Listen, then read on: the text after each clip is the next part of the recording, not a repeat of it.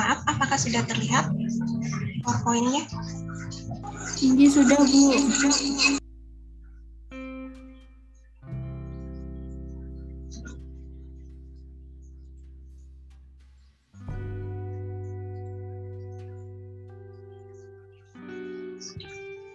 Terima kasih.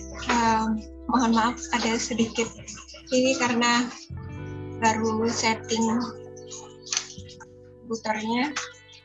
Um, hari ini topik pertemuan dari BEM Fakultas Psikologi adalah mengapa kita harus memilih kanker ya. Um, saya ke bagian yang pertama setelah kemudian uh, psikolog kita dan uh, ibu cantik kesayangan saya ibu Yuni akan berbagi juga mengenai uh, dukungan psikolog dan pengalaman ibu Yuni sebagai survivor. Um, kali ini tentang uh, sisi gizi yang akan kita bahas. Uh, terdengar jelas deh? Jelas bu. jelas bu. Terima kasih. Uh, satu lagi mohon ingatkan kalau misalnya 20 menit saya mau hmm. Um, pertama kenapa kita peduli harus peduli walaupun misalnya saat ini masih mahasiswa masih muda usia 20 tahunan kenapa kita harus peduli cancer?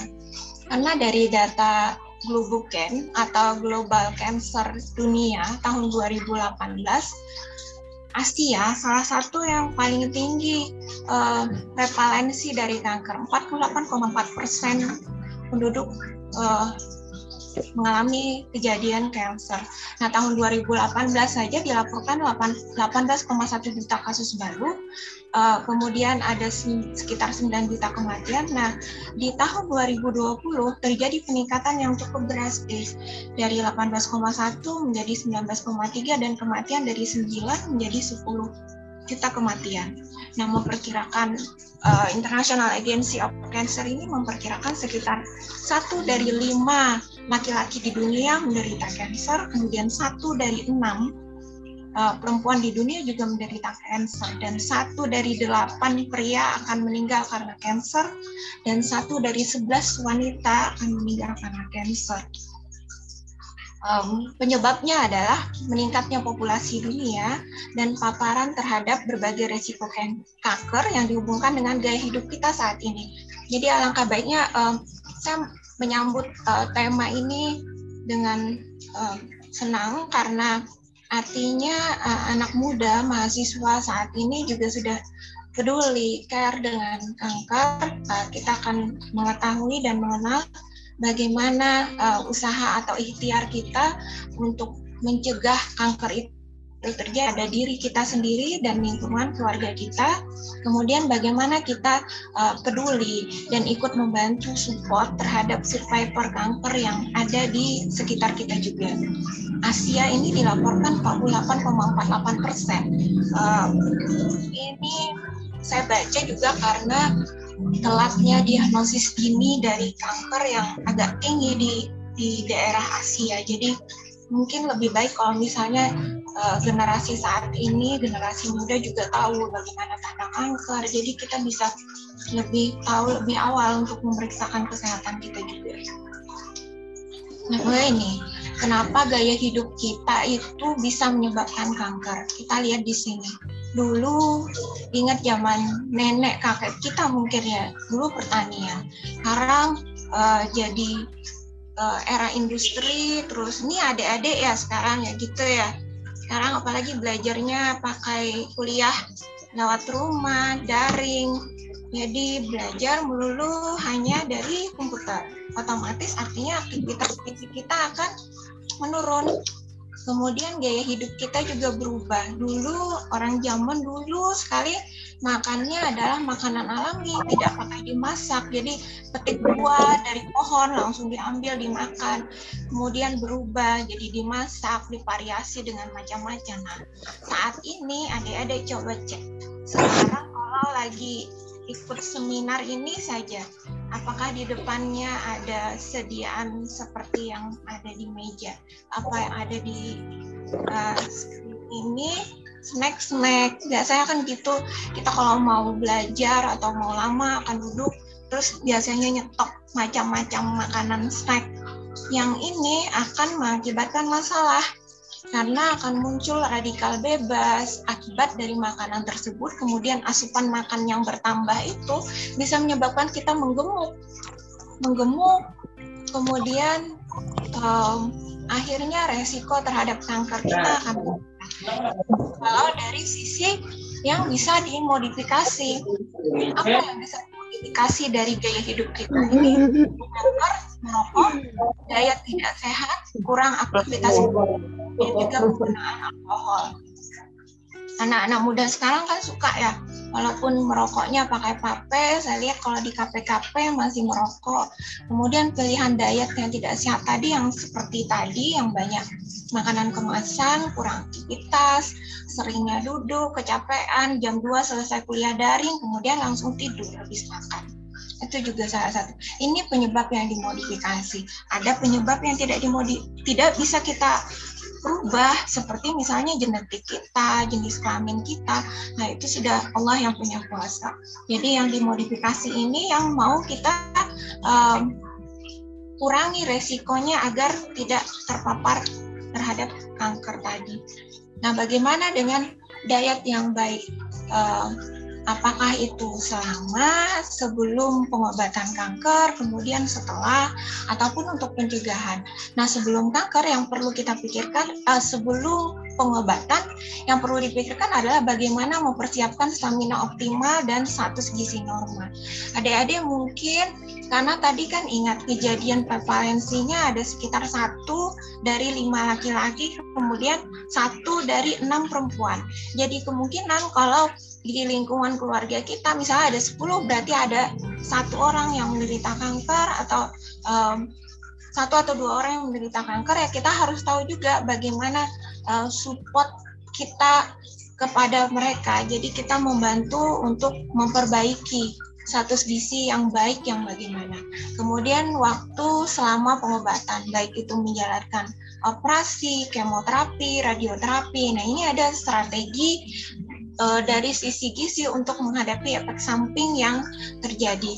Kemudian setelahnya, setelah menjalankan kemo, radioterapi, kita tetap harus mempertahankan status gizi kita normal, kemudian mengurangi resiko kekambuhan atau angka penyebaran dan meningkatkan daya hidup kita survival rate-nya. Nah, kalau untuk pencegahan seperti adik-adik, nah itu harus makan sehat dan seimbang sebagai salah satu usaha kita. Apakah ini bisa dilakukan oleh pasien sendiri? Nah, pasien itu uh, ini kalau kaitannya dengan psikologi. Um, jika ada saya misalnya sebagai dokter gizi datang terus bilang uh, terhadap pasien kanker, Bapak Ibu makan ya. Kadang kita tidak tahu apa yang dihadapi oleh pasien tersebut dengan psikologisnya. Um, mungkin waktu ter terdiagnosis pertama uh, pasien berada dalam keadaan depresi, banyak pertanyaan atau pemikiran yang um, dihadapi oleh pasien tersebut. Apakah kansernya akan datang lagi? Bagaimana saya ke depannya? Eh, bagaimana menghadapi pembayarannya? Bagaimana hubungan saya dengan keluarga, dengan anak? Nah, itu. Makanya perlu ada support system. Ini tangan-tangan yang bisa membantu si pasien ini. Mungkin salah satunya adalah tangan adik-adik yang bisa membantu mereka. Nah, supaya survivor ini, keluarga kita ini akan uh, merasa bahagia dan semangat menjalani hidupnya. Akhirnya survival rate-nya akan meningkat. Nah, ini salah satu juga uh, sunnah dari Rasulullah, kita harus menghibur orang yang sakit. Ya. Menghibur bukan berarti hanya misalnya datang 5-10 menit, bawakan cemilan, itu tidak. Tapi menghibur itu jangka panjang. Mungkin adik-adik psikolog lebih paham masalah beginian ya daripada saya. Ya ini kalau misalnya kita bicara masalah uh, intervensi atau penata laksanaan gizi, kita akan bicara masalah um, guideline atau pedoman dari um, cancer survivor. Uh, karena saat ini banyak sekali diet diet-diet yang muncul yang kadang ada yang tidak tepat atau dia overclaim atau malah hoax. Nah itu yang kita tidak uh, agak hati-hati. Uh, ada tiga step yang direkomendasikan oleh American Cancer Society Guideline.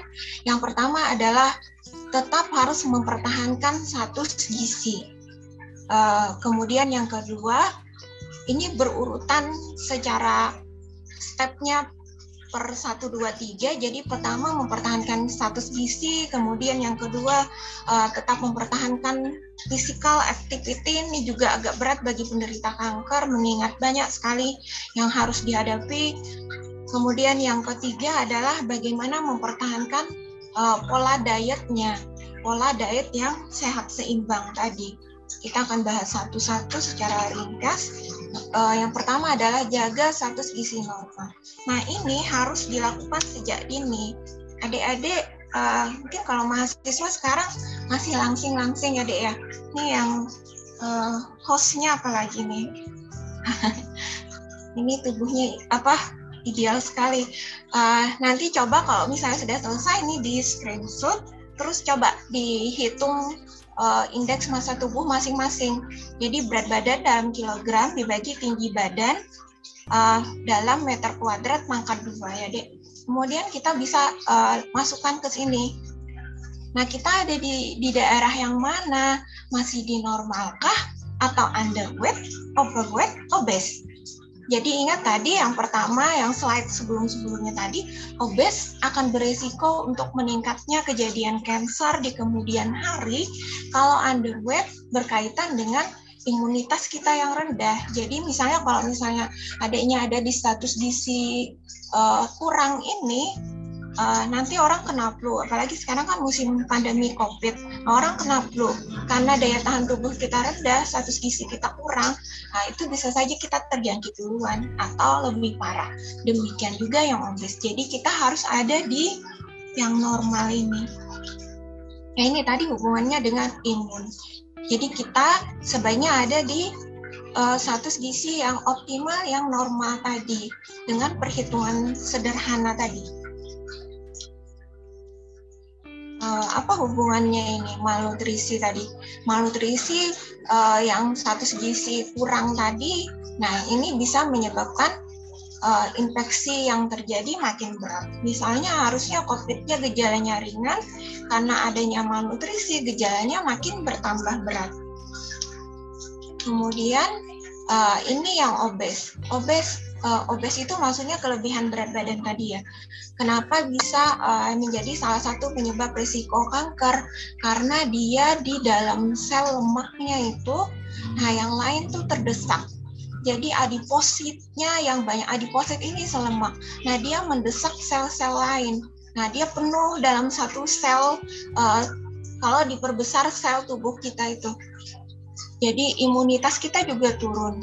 Nah, ini dibaca sebagai oleh sistem pertahanan tubuh kita yang bulat-bulat ini sebagai radang. Jadi tubuh kita tuh uh, dengan adanya sel lemak yang berlebihan tadi akan uh, mengeluarkan sinyal radang terus-menerus.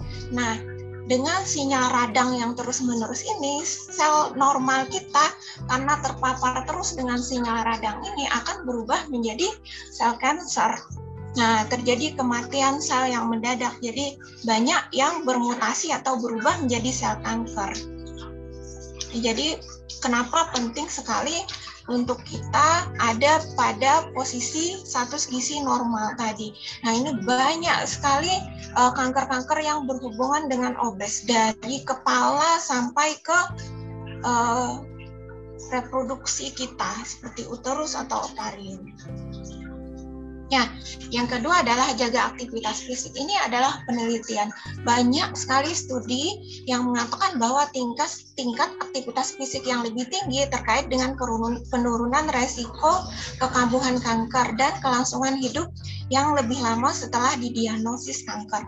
Ini banyak sekali eh, efek samping dari uh, pengobatan kanker, apakah itu operasi, radiasi atau kemoterapi terhadap uh, tubuh kita.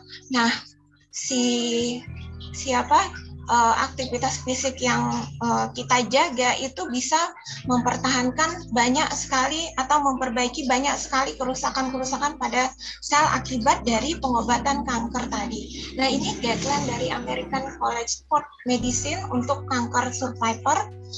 Uh, dia bilang di sini 150 menit per minggu dengan moderat. Ingat ya moderat, bukan juga berlebihan. Atau 75 menit dengan uh, aktivitas fisik yang agak tinggi, tapi ini juga ada syarat yang harus dipertimbangkan. Nah, exercise harus dibatasi pada uh, ini ada beberapa operasi yang memang um, menyebabkan kita harus membatasi gerakan. Nanti ada slide selanjutnya. Nah ini beberapa yang uh, saya alih bahasakan ke Indonesia. Uh, pertama adalah mengontrol kadar insulin dan hormon set kita atau estrogen. Nah ini berhubungan dengan kanker payudara dan usus besar.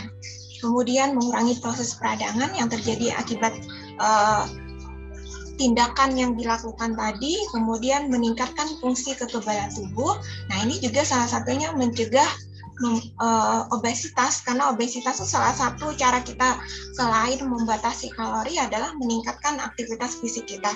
Kemudian uh, ada penelitian yang bilang bahwa setelah kemo orang mual muntah juga bisa uh, dikurangi dengan aktivitas fisik yang ditingkatkan, kemudian juga bisa meningkatkan nafsu makan dibanding dengan orang yang hanya berbaring saja di tempat tidur. Ini yang keenam, mencegah trombosis pena dan emboli paru. Ini juga sering terjadi pada pasien-pasien post-operasi yang takut sekali bergerak, akhirnya terjadi uh, apa namanya kayak penggumpalan pada pembuluh darahnya atau sirkulasi uh, darahnya tidak lancar misalnya operasi di payudara sirkulasi darah tidak lancar jadi ada bendungan di ketiak nah itu kemungkinan salah satunya bisa jadi karena kekurangan gerak. Kemudian resiko depresi juga bisa dikurangi dengan uh, aktivitas fisik tadi, kemudian pengecilan otot dan mencegah mencegah tulang menjadi rapuh. Nah ini olahraga yang disarankan adalah olahraga dan nah ini gerakannya cukup misalnya kita duduk bersila. Uh, ini kalau misalnya di rumah sakit Ulin tuh ada tim uh, fisioterapinya. Jadi uh, kalaupun bingung ya, mestinya uh, bisa kita minta rujukan ke fisioterapi. Jadi bisa diarahkan untuk uh, bagaimana cara aktivitas fisik yang efektif yang bisa kita lakukan. Nah, olahraga harus bertahap. Idealnya memang 30 menit sehari, tapi kalau misalnya tidak mampu dan mudah merasa lelah, minimal harus uh, dilakukan misalnya 5 menit, 10 menit. Kemudian juga konsultasikan dulu dengan dokter, bolehkah melakukan olahraga misalnya uh, uh, yang jenis bagaimana. Ini contoh salah satu uh, radiasi misalnya tidak dianjurkan untuk berenang dulu. Jadi misalnya radiasi itu mudah sekali terjadi iritasi pada kulitnya karena terjadi penyinaran. Jadi uh, ada beberapa olahraga yang juga dianjurkan untuk kita konsultasi dulu dengan dokter. Kemudian um, Nah, sambil melakukan kegiatan yang menyenangkan, misalnya mendengar musik, mendengar uh, alunan ayat-ayat suci, nah atau misalnya sambil mengajak sahabat, jadi bisa lebih uh, bersemangat dalam olahraganya. Kemudian, nah ini yang ketiga, yang kita uh, mau sharing lebih banyak tentang bagaimana sebenarnya pola diet pada kanker. Nah ini isi piringku dari uh, ya tahun 94 sudah berubah polanya dari kalau ingat kalau adik-adik mungkin angkatan 2000-an ya pasti nggak tahu uh, ada lagu ini empat sehat lima sempurna. Jadi uh, empat sehat lima sempurna dengan susu. Uh, sekarang tidak lagi. Jadi namanya gizi seimbang dan di aturan piring makannya sebaiknya seperti ini adik-adik juga harus sebaiknya aplikasikan untuk uh, pencegahan kanker tadi. Nah ini sayurnya bagi setengah, kemudian uh, setengah se dari setengahnya ada buah dan sayur, kemudian dari setengah bagiannya ada makanan pokok dan lauk. Mohon izin Ibu untuk waktu Ibu sisa 15 menit. Eh, terima kasih. Nah, iya. ini kalau misalnya kita aplikasikan dalam piring makan kita, uh, coba ingat-ingat. Tadi pagi sarapannya apa? Apa sudah seperti ini atau putihnya ini uh, penuh sepiring atau lupa kasih sayur atau buahnya tidak ada? Ini kalau bukan seperti ini namanya belum gizi seimbang. Jadi kalau misal pun, tapi kita fleksibel sebenarnya. Kalau misalnya buah aduh dok saya kalau makan buah pagi rasanya perut jadinya tidak enak. Ada memang orang yang tidak bisa makan buah pagi. Ya sudah di skip buahnya ingat-ingat ukurannya. Nanti misalnya selingan waktu adik-adik jam 10 atau jam 11 lapar tuh jangan buka makanan kemasannya. Taruhlah di di mejanya itu potongan-potongan pepaya. Terus apakah harus misalnya ini kan contohnya pepaya ini dari germasnya Kemenkes uh, dia bikin ini tentu saja punya pemikiran. Uh, kenapa dia taruh ikannya adalah ikan peda, kemudian tahu, terus sayurnya ini apa? Kangkung ya. Uh, buahnya pepaya. Jadi tidak mesti harus misalnya, aduh sekarang tren ya uh, kalau makan lauknya katanya yang sehat tuh pakai salmon. Oh jangan, nanti salmon ibunya yang marah-marah di rumah. Satu kilo seratus ribu atau dua ratus ribu ya. Nah itu kan jadinya tidak uh, kita maunya gizi seimbang katanya uh, salmon itu omega 3-nya bagus bu. Merangin sama ibunya di rumah. Nanti uh, saya maunya ya makan siang pakai salmon jangan jadi makannya ini ikan peda. Nah ada penelitian ikan peda ikan kembung tuh hampir sama komposisi omega 3 nya dengan salmon. Jadi jangan jangan misalnya um, aduh ibu kok uh, taruhnya misalnya ikannya uh, gabus atau ikannya apa yang murah kalau gabus juga masih mahal.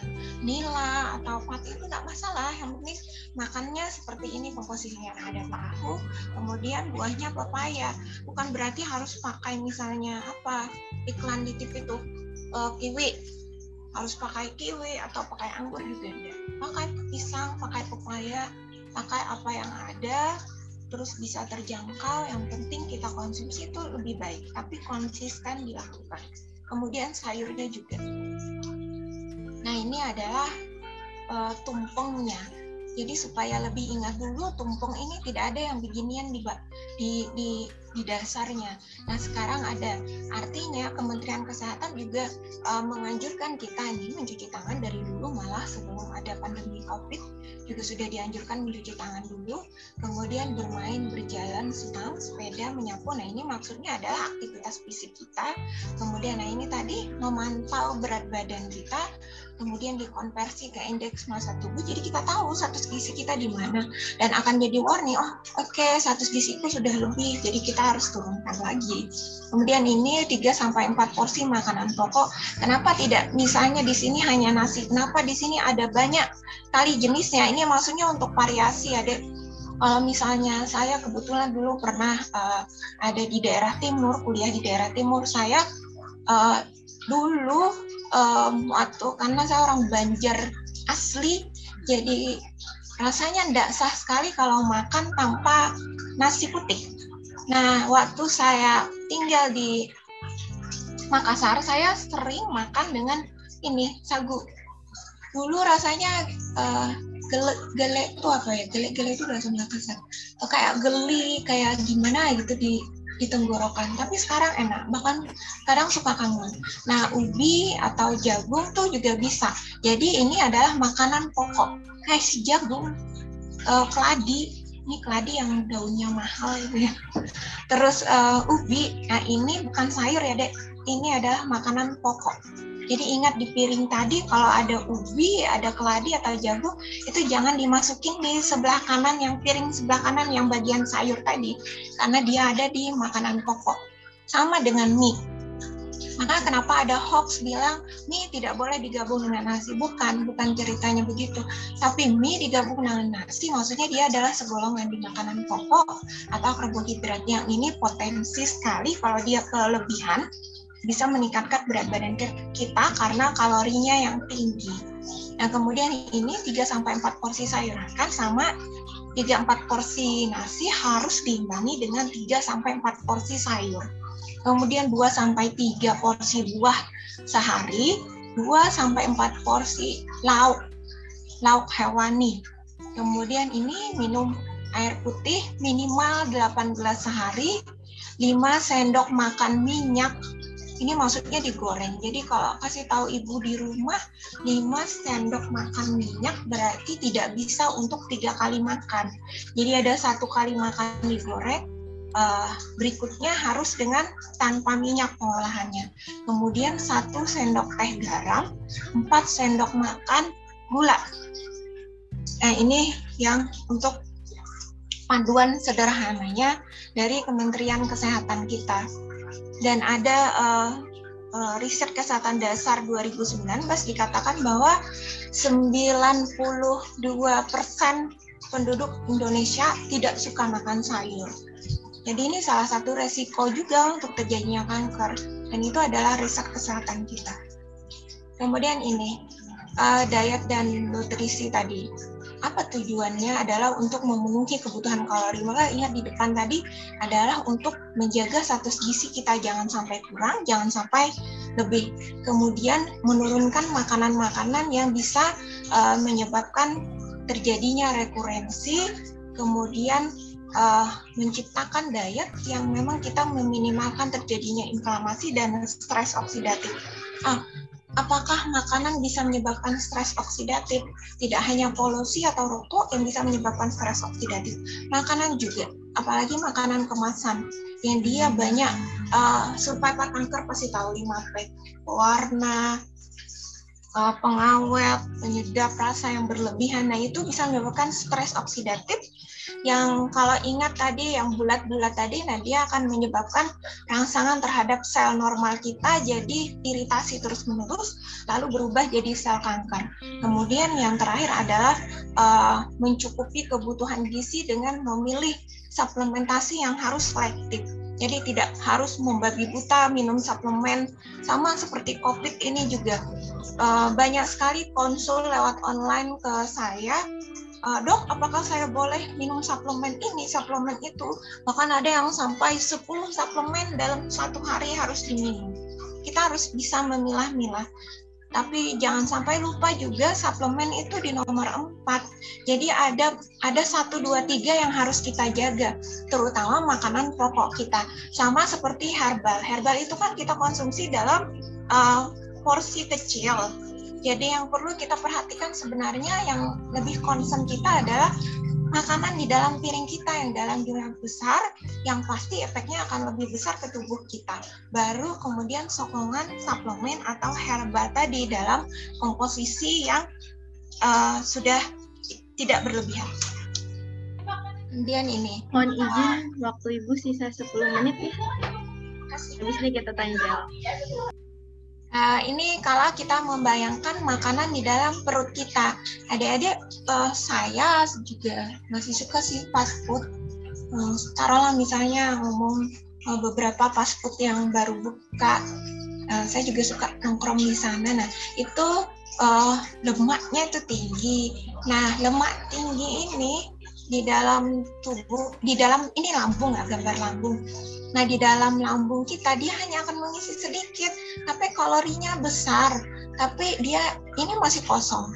Ini lemutnya ada di sini sama dengan cheese. Kalau kita misalnya pesan pizza uh, extra mozzarella begitu.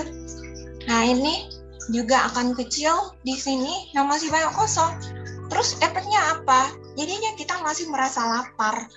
Nah, terus beda kalau misalnya kita isinya buah dan sayur tuh dia penuh dia penuh dan dia akan sedikit lama karena dia punya serat yang tinggi.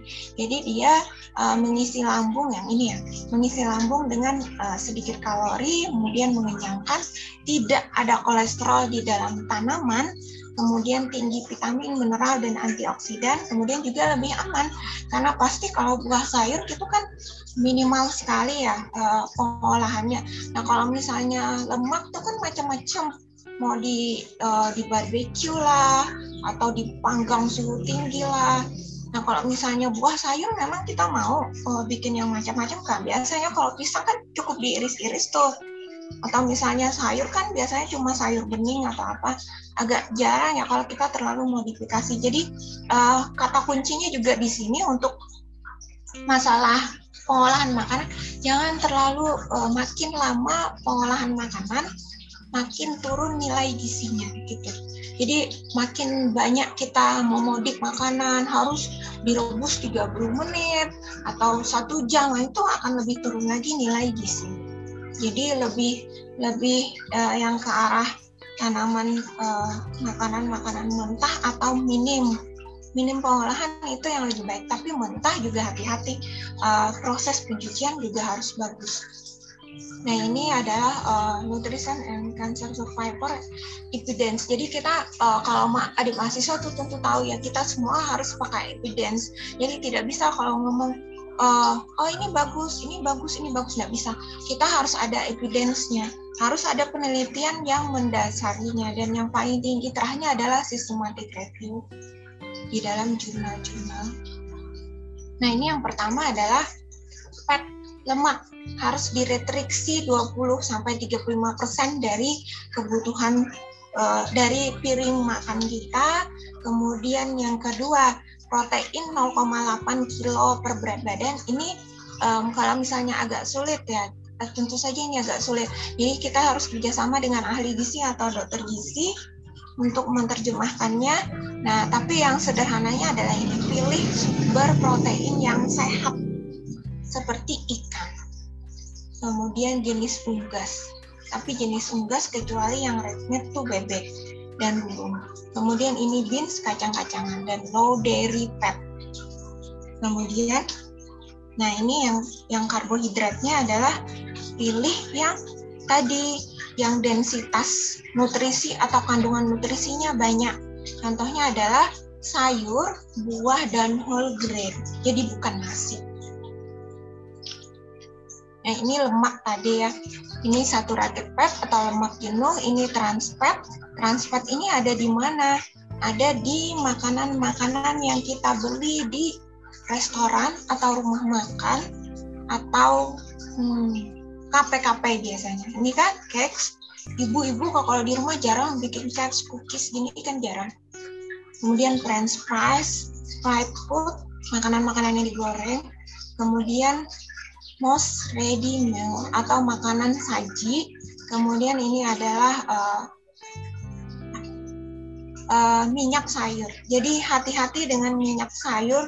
Banyak sekali ini uh, taruhlah misalnya uh, canola, corn oil itu hati-hati.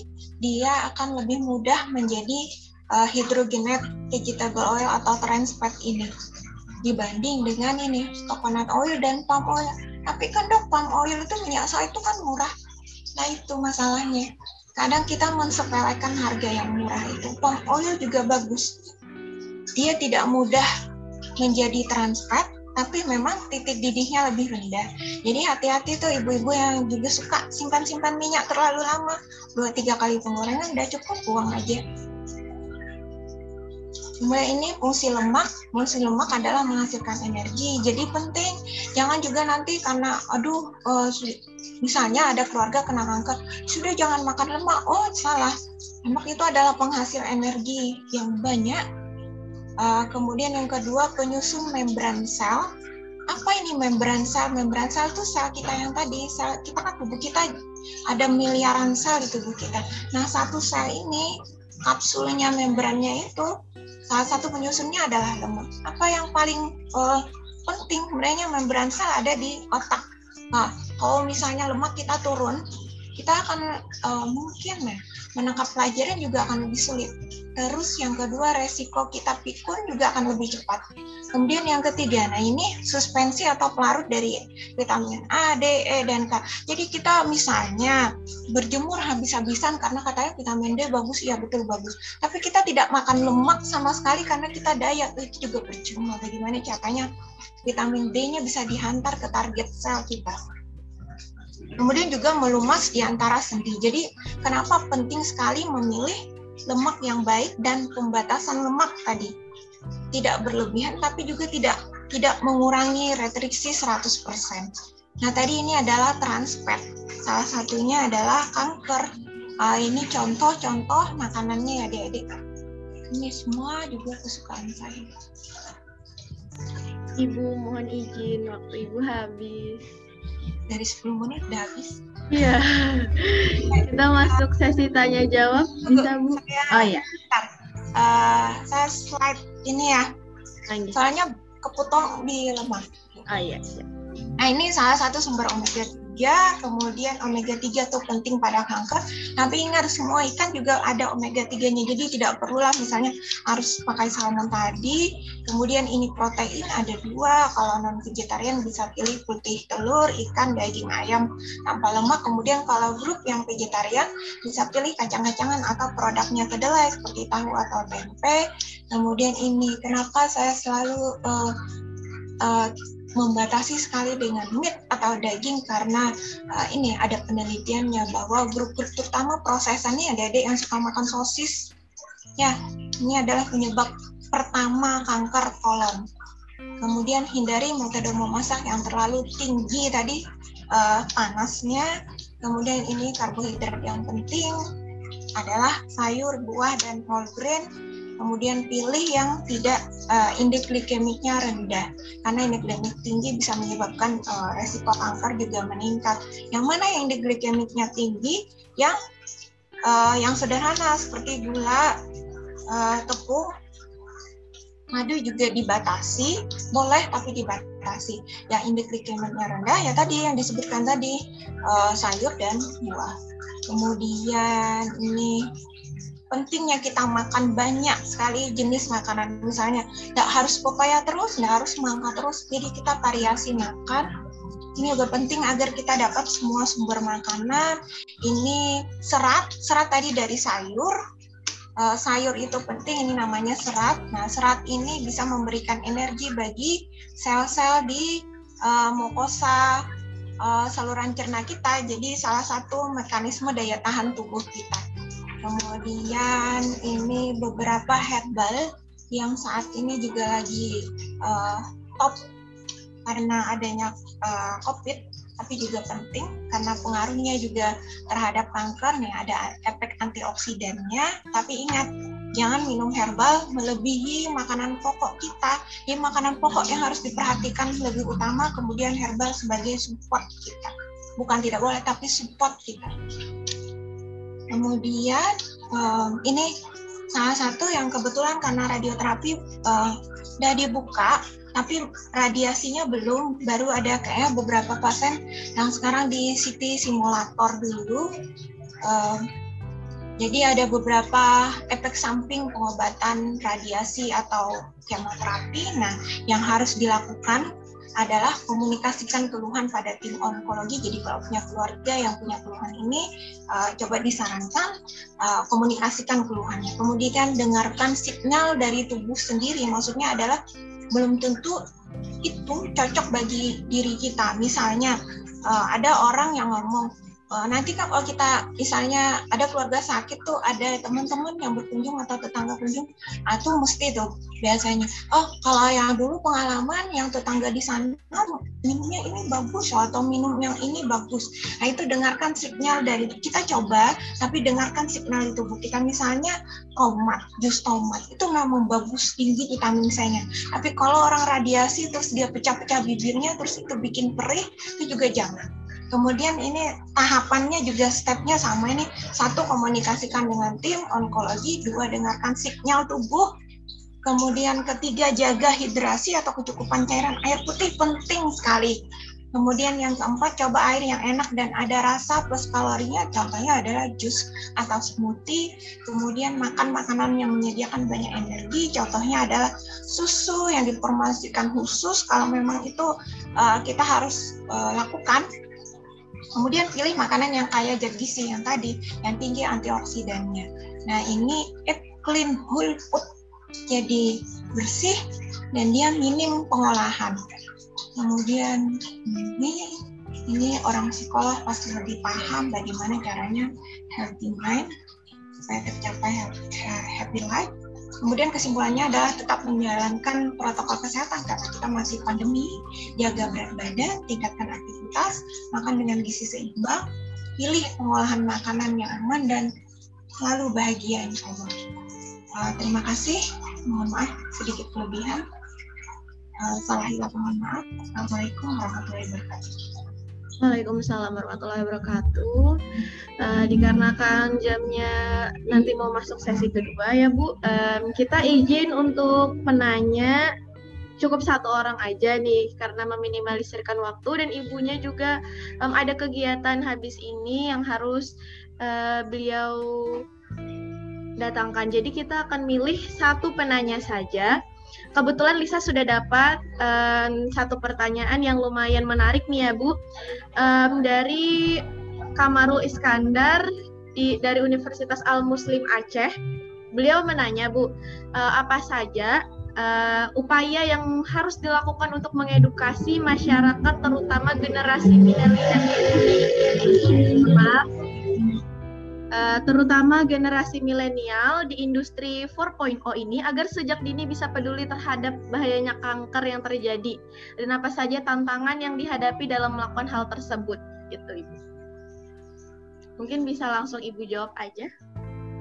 Terima kasih. Um, ya harus peduli ya. Peduli itu uh, biasanya kalau uh, anak milenial tuh nggak bisa kalau kita ngomong hati-hati ya itu ya. Pasti dia akan bilang kenapa? Nah makanya kenapa saya sajikan tadi uh, slide pertama uh, slide pertama adalah data kanker. Uh, kenapa kita harus peduli? Karena almost 50% dari penduduk Asia tuh terpapar kanker. Nah itu poin pertama yang harus kita aware. Satu dari lima laki-laki, satu dari enam perempuan. Itu uh, jadi itu adalah berdasarkan datanya. Kemudian uh, poinnya tadi yang harus kita lakukan adalah ini tadi. Ini kita harus hindari gaya hidup yang terlalu rendah aktivitas fisik, kemudian asupan makan berlebihan, asupan makan berlebihan dan dari sumber-sumber yang berbahaya atau tidak aman. Uh, berbahaya tuh bukan berbahaya, tidak aman, tidak aman dan tidak sehat.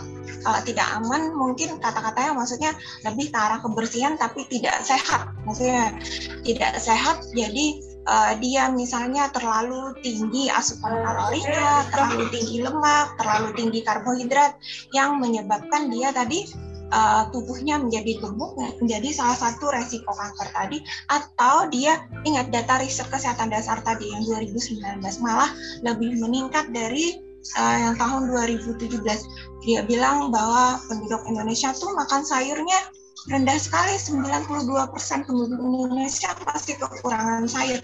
Nah ini yang harus uh, kita perhatikan juga. Jadi uh, itulah anak muda tuh kadang suka yang praktis ya. Hari ini Semua dia nggak ada ngasih data lagi. Jadi nggak suka masak, nggak suka uh, warung-warung yang misalnya warung-warung rumahan. Jadi sukanya makan di kafe, nongkrongnya di kafe. Mana di kafe atau belum sarapan. Tapi tetap ingat balik ke rumah. Semalam gitu ke pasar carilah saya capek banget udah nggak masak terlalu repot bikin salad saja sudah sudah ini sekali ya. Satu piring salad tuh memenuhi sekitar tiga porsi. Nah kita kalau misalnya kita makan langsung dalam satu porsi. Atau misalnya taruhlah kita nongkrong di uh, saya sebut ya pizza hut. Itu kan mbaknya selalu ngomong e, mbak mau makan salad? Nah, itu coba sekali-kali makan salad di situ dulu, lihat bagaimana uh, variasi salad yang dibikin. Dia juga sediakan olive oil atau minyak zaitun di situ yang kaya dengan uh, omega 9 yang bagus tadi. Nah, itu coba uh, lihat di situ nanti aplikasikan di rumah. Nggak harus mahal. Sayurnya kan cuma selada, uh, kol, terus wortel. Jadi nggak harus pilihannya yang mahal atau enggak.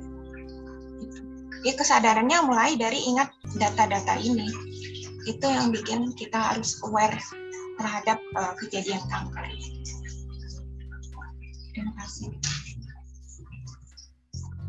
Oke baik, terima kasih Bu Dokter atas um, materinya hari ini. Semoga bisa membantu teman-teman yang lain supaya sadar bahwa uh, penting bagi kita semua kan buat support uh, para penyintas kanker gitu. Karena support dari mereka support dari kita tuh nomor satu bagi mereka supaya bisa bertahan melawan cancer tersebut ya gak bu?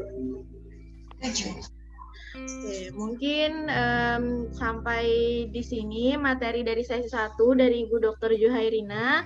Uh, makasih banyak Ibu atas kesempatan dan waktunya yang telah uh, menyempatkan buat ngasih materi pada hari ini. Semoga semua bermanfaat, semoga bisa diterima baik bagi para eh, teman-teman uh, kita semua buat uh, tahu gitu bahwa ini loh penting gitu uh, acara pada hari ini begini gitu.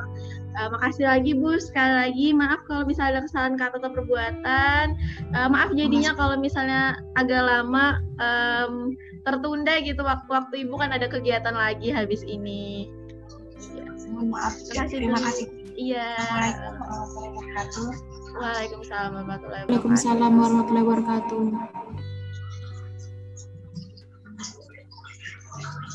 Um, kita lanjut untuk sesi kedua um, pemateri kita ada Ibu Dita dan juga dari survivor uh, kanker Bu Juniati Zuari. Sebelumnya izinkan saya untuk share screen CV Bu Dita dan Ibu Januari dulu. Izin panitia buat share screen kan?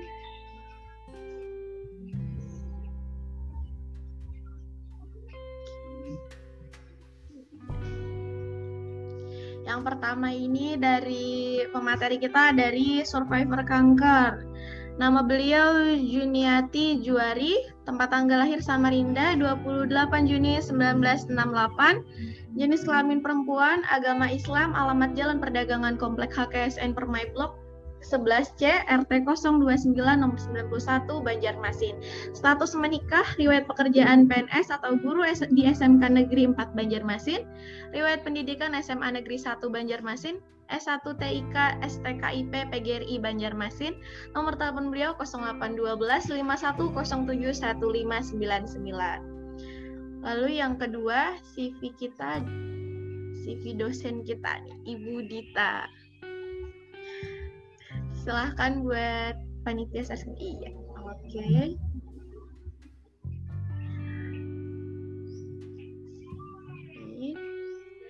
CV dari Budita.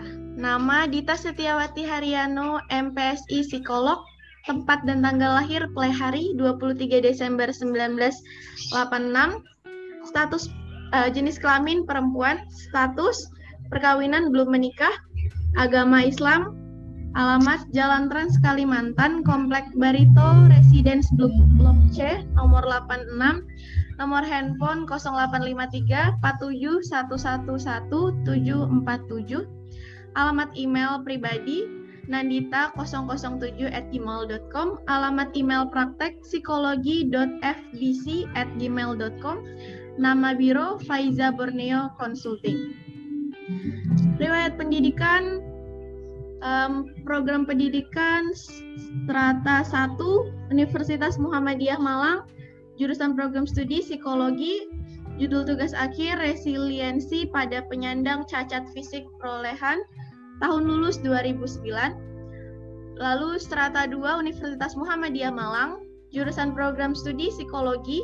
Judul tugas akhir relaksasi otot profes profesif untuk mengurangi stres pada pasien penderita penyakit jantung tahun lulus 2012.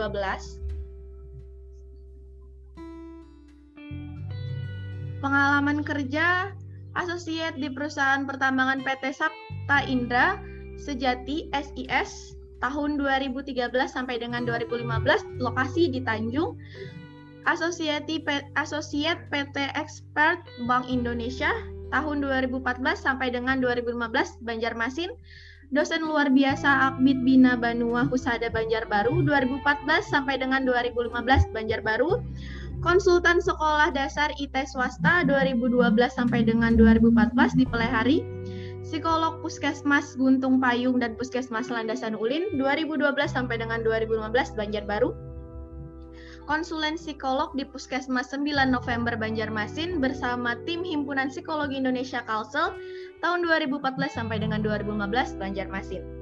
Dosen Fakultas Psikologi Universitas Muhammadiyah Banjarmasin 2016 sampai dengan sekarang di Banjarmasin, praktek psikolog 2012 sampai dengan sekarang Plehari, Banjarbaru, dan Banjarmasin. Lalu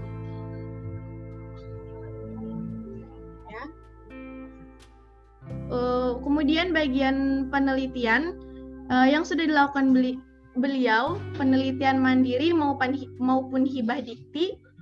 Kemudian uh, pengabdian, uh, beliau mengabdi di masyarakat dan puskesmas juga di lain-lain. Lalu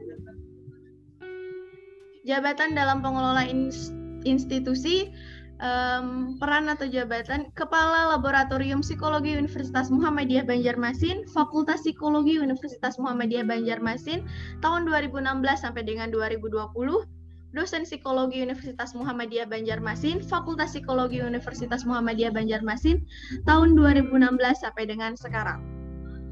Organisasi tahun 2012 sampai dengan sekarang, Himpunan Psikologi Indonesia jabatan sebagai anggota 2019 sampai dengan sekarang Ikatan Psikologi Klinis Kalimantan Selatan jabatan bidang kajian dan publikasi ilmiah 2012 sampai dengan sekarang Ikatan Psikologi Klinis Indonesia jabatan anggota 2019 sampai dengan sekarang Asosiasi Psikologi Forensik Indonesia jabatan anggota 2019 sampai dengan sekarang Ikatan Psikologi Kesehatan Indonesia jabatan sebagai anggota. Demikian CV yang telah saya sampaikan uh, saya serahkan kepada pemateri untuk menyampaikan materi kita pada hari ini kepada Ibu Ditas, Ibu Dita Setiawati Haryono MPH Psikolog. Bisa persilahkan.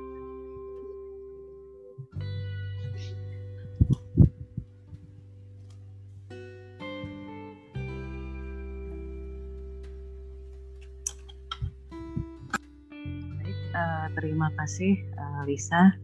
Baik, Assalamualaikum warahmatullahi wabarakatuh. Waalaikumsalam warahmatullahi wabarakatuh. Ya, sambil di share screen ya, Panitia.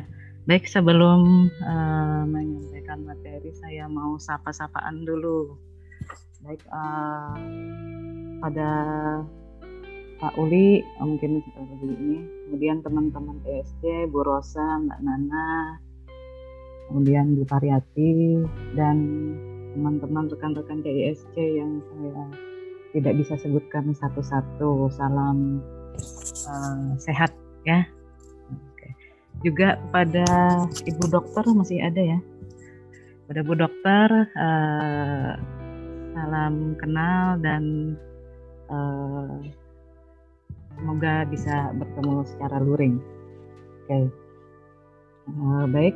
Um, yang saya bawakan dalam acara kegiatan uh, ini uh, judulnya memang ini ya manajemen cantik ya biar uh, yang ada dari sini mengerti cantik kamu itu seperti apa. Oke okay, uh, sebelumnya uh, harusnya saya di sini ini ya narasumber dua menyabat dua ya dua apa namanya dua dua um, narasumber, maksudnya menjabat dua ini. Jadi sebagai narasumber, sebagai dosen psikologi dan juga sebagai survivor. Oke, okay, next.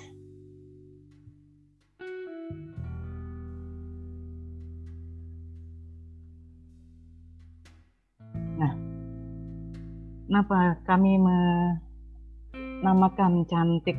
Nah, cantik itu panggilan sayang ya untuk cancer. Nah, jadi uh, kalau cancer kanker itu apa ya bunyinya tuh agak sedikit ini menyeramkan telinga ya. Bagi kita jadi panggilan kami itu adalah cancer ca cancer. Jadi uh, singkatan cancer itu ca jadi kami tambahi cantik ya teman-teman KISC oke okay, next. Nah, tadi juga sudah uh, dijelaskan banyak oleh ibu dokter yang mengenai cancer, Nah, ini cancer yaitu penyakit yang muncul akibat pertumbuhan tidak normal dari sel-sel jaringan tubuh. Nah, ini sedikit jok ya, kanker. Jadi kanker ini sudah biasa di telinga kami, tapi yang lebih menakutkan adalah kanker kantong kering ya. kalau ini lebih menakutkan ya teman-teman ya. Karena kalau kantong kering ini kita tidak bisa ke mana-mana, tidak bisa nongkrong, tidak bisa makan. Nah itu sebenarnya kanker ini yang lebih mengerikan. Oke, okay, next. Pak kita di sini uh, santai ya, tidak uh, begitu serius. Nah, kemudian uh, dalam uh, menghadapi reaksi uh, psikologis saat mengetahui diagnosis. Jadi ini untuk diketahui teman-teman mahasiswa juga bagi mahasiswa psikologi ya yang harus bisa memahami uh, dinamika dinamika psikologis saat individu mengetahui diagnosis atau kita sebut dengan respon berduka ya. Menurut Elizabeth Kubler, jadi yang pertama itu uh, respon psikologisnya yang manusiawi dirasakan adalah denial. Ya, denial, penolakan. Jadi di dalam fase denial ini, individu itu bertindak seperti seolah-olah tidak terjadi apa-apa. Masih apa ya bahasa kita tuh rasa nggak percaya gitu. Kok terjadi ini gitu? Kenapa uh, mengalami terdiagnosis sakit kanker gitu atau sakit uh, kronis yang lainnya. Nah, jadi fase denial itu mungkin ada pikiran oh tidak mungkin gitu. Jadi masih fase penolakan. Nah, dalam fase ini dukungan psikologis yang mesti uh, diberikan kepada individu yang baru terdiagnosis uh, sakit kronis. Nah, di sini bukannya kita harus uh, apa ya me, me, menyalahkan atau menanyakan kok bisa gitu itu justru akan uh, tanda kutip melukai dan melukai perasaan. Nah, jadi yang diberikan apa? Jadi memberikan kesempatan pada individu untuk mengungkapkan perasaannya. Jadi biar dirilis semua dulu emosinya, emosi uh, yang dirasakan. Ya. Kemudian yang kedua adalah menunjukkan sikap menerima dengan ikhlas tidak dengan bertanya kok bisa nah, lalu kami jawab eh, kami juga nggak tahu kok bisa gitu ya jadi eh, dinamika psikologis yang pertama itu adalah fase denial. Kemudian yang kedua adalah eh, fase angel kemarahan merasakan kemarahan. Jadi uh, individu yang merasakan kemarahan itu berhubungan dengan lingkungan ya. Jadi dalam fase ini uh, individu akan merasa lebih sangat-sangat sensitif sehingga mudah sekali marah, tersinggung ya dalam masa fase ini. Hal ini uh, manusiawi juga terjadi. Ya, manusiawi terjadi karena merupakan suatu coping ya coping individu dalam uh, menghadapi uh, situasi tersebut. Merupakan coping individu untuk menutupi rasa emosi-emosi yang dirasakannya, rasa kecewa, kemudian rasa sedih, yang merupakan manifestasi dari rasa uh, cemas dalam menghadapi uh, diagnosis tersebut. Nah, uh, dari sisi psikologisnya yang perlu diperhatikan adalah uh, dukungan psikologisnya adalah memberikan uh, membiarkan individu tersebut mungkin menangis, hanya mendengarkan, mensupport, ya, memberikan semangat. Hmm, jadi mendengarkan ras, uh, rasa kemarahannya, rasa kecewanya, rasa sedihnya itu didengarkan aja. Uh, tidak usah ini banyak komen-komen uh, yang apa ya yang itu tadi karena fase ini fase sensitif. Nah, kemudian yang ketiga bergaining.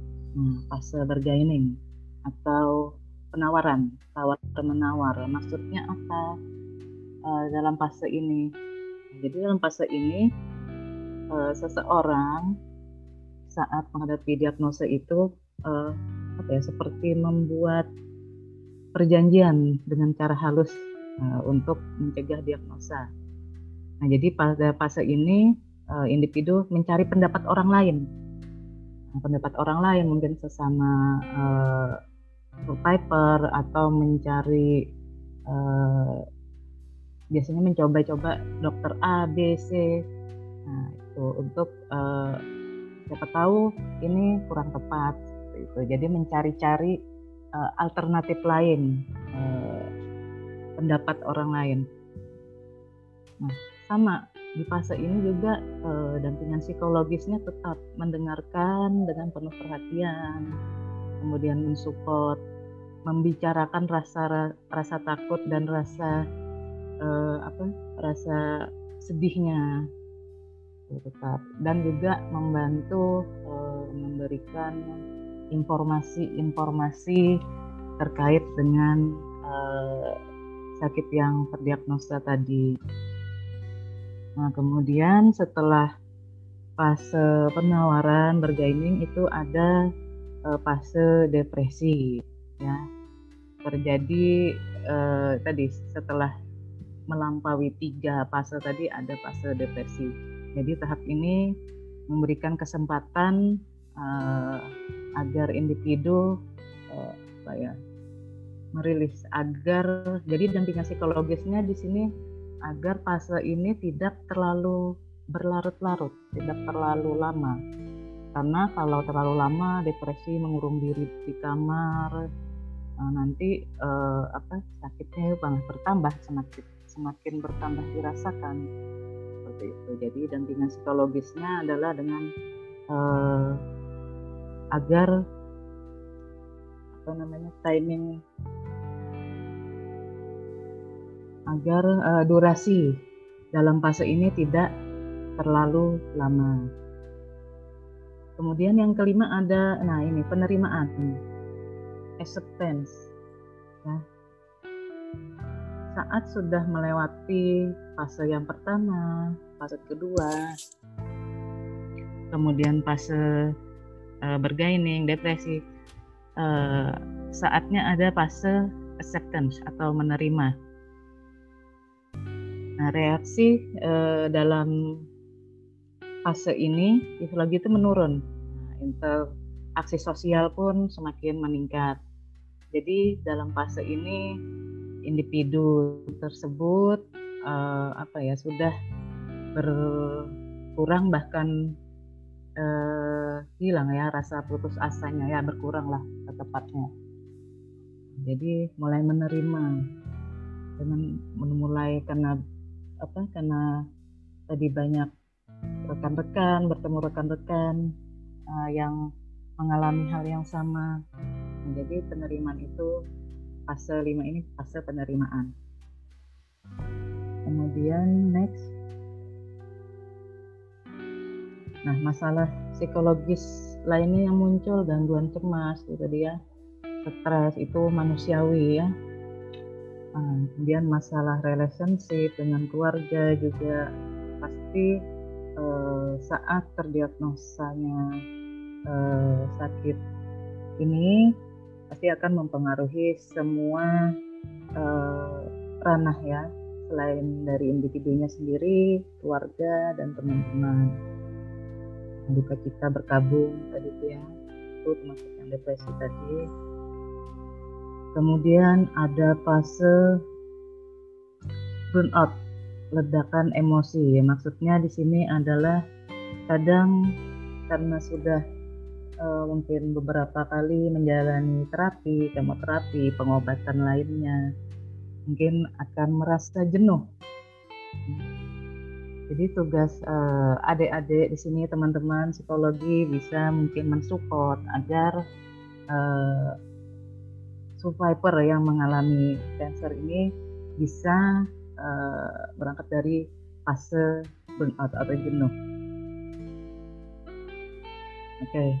Kemudian uh, yang selanjutnya yang dilakukan apa bagi survivor cancer itu yang pertama tetap rutin kontrol ke ahli ya kami uh, bersama teman-teman JC ini sering rutin ya kontrol di rumah sakit Ulin ya kemudian yang kedua saling curhat, nah, karena saling berkumpul, itu saling mensupport.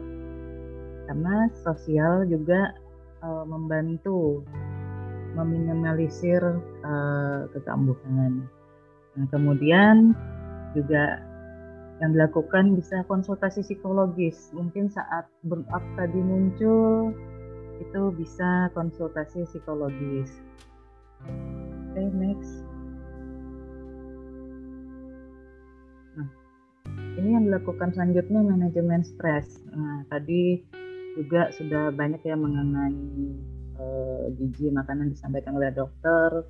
Kemudian dari saya manajemen stresnya ini sama tadi ada olahraga, menghindari atau mengubah adaptasi dari penyebab stres.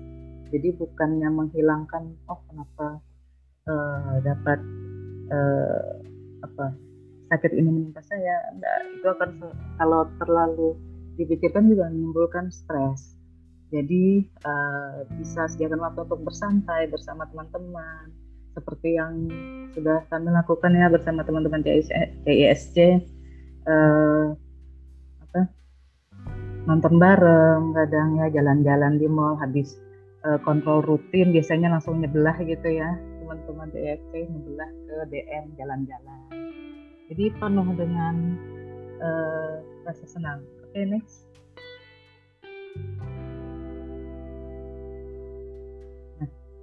yang diperlukan apa? Diperlukan adalah rasa nyaman dan senang. Makanya saya bilang tadi eh, rekan-rekan kadang bersenang-senang nonton bareng kemudian uh, kenapa berkumpul saling komunikasi. Nah karena komunikasi itu uh, meningkatkan anu imun juga ya saling support tadi. Hubungan dari keluarga dan lingkungan oke nah next koneksi sosial dan kekuatan mental survivor itu menjadi kunci penyembuhan atau minimalisir uh, kekambuhan menurut Profesor Matthew ya. Nah, interaksi sosial dengan lingkungan mampu menghambat pertumbuhan sel kanker. Next. Nah, peduli kanker. Kenapa? Peduli harus peduli kanker karena kelangsungan hidup survivor ini bukan hanya pengaruh dari adanya si cantik ini tadi, tapi juga dipengaruhi kata-kata dan sikap dari lingkungan sekitar, sikap orang-orang ada di sekitar, itu akan sangat mempengaruhi. Ya. Itu menurut the American Medical Associates Code of Medical Ethics. Nah, kemudian, nah ini kesalahan umum respon seperti yang saya bilang di awal tadi ya kesalahan umum respon yang diberikan ke supervisor. Kok bisa kena kanker? Itu kadang pertanyaan yang uh, spontanitasnya. Sejak kapan? Kenapa begitu? Itu kata-kata yang ibaratnya uh, sedikit ini ya sedikit uh, menyentuh hati kami. Nah, jangan sekali-kali menyalahkan karena yang mereka perlukan adalah apa tadi dukungan support cukup dengarkan, pahami, memberikan saran boleh nggak? Boleh. Saran ini loh Bu, Pak, Mbak, Mas. Nah, di sini ada pengobatan ini, ini itu boleh. Jangan bertanya kok bisa, gitu. Itu akan ini. Oke, okay, next. Nah, next, uh, some words ini bagi rekan-rekan uh, CISC dan juga teman-teman yang merasa uh, kok ujiannya berat ya dalam hidup. Ini juga kemarin saya berikan ya waktu di sini jadi narasumber talasemia. Jadi ujian yang hebat untuk orang yang hebat dan sabar. Berarti apa yang terjadi pada kita itu karena apa? Karena kita mampu. Ya, Allah tahu berapa gigihnya kita usaha untuk bangkit dan terus melangkah. Oke, okay, next. Nah, ini yang terakhir uh, seperti firman Allah ya dalam surat Al-Baqarah 286. Allah tidak membebani melainkan sesuai kesanggupan. Berarti apa yang kita dapatkan saat ini, apa yang kita alami saat ini, siapa pun ya, bukan hanya uh, rekan-rekan di SDISC, juga teman-teman mahasiswa, juga masyarakat umum, apa pun yang kita alami itu sesuai dengan kesanggupan kita. Gitu ya. Nah, kalau menurut saya sendiri, kanker itu ibaratnya bukan kantong kering ya. Kalau kantong kering saya sudah merasa tidak sanggup. Jadi kan kanker itu menurut saya individu adalah ibarat kesempatan kedua, ya, kesempatan kedua dalam hidup.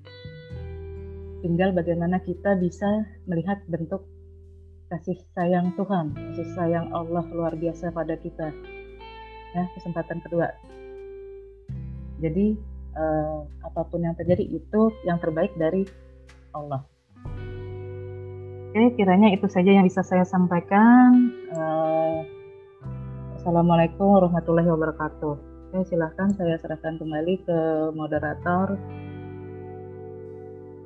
Iya, oke. Makasih banyak Bu Dita atas materinya. Kita uh, buka sesi tanya jawab ya Bu. Um, okay. Sesuai ini permintaan Ibu, uh, kita akan buka sesi tanya jawab cuman satu nih ya kepada teman-teman. Kebetulan juga sudah ada yang bertanya. Ini dari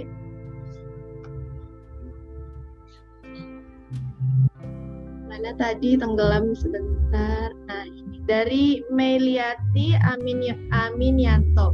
Izin bertanya Ibu, eh, bagaimana cara agar meyakinkan pasien yang cemas akan menerima pengobatan kanker secara konvensional, bedah kemoterapi, radioterapi, agar tidak beralih ke pengobatan tradisional? Apakah sebaiknya dibentuk tim medis yang juga beranggotakan psikolog, agar sejak awal dapat melewati fase penerimaan bad news dengan baik? Bagaimana peran keluarga dan menerima berita buruk tersebut? Terkadang culture di Indonesia banyak sekali intervensi dari keluarga yang mempengaruhi health seeking behavior-nya gitu. Terima kasih.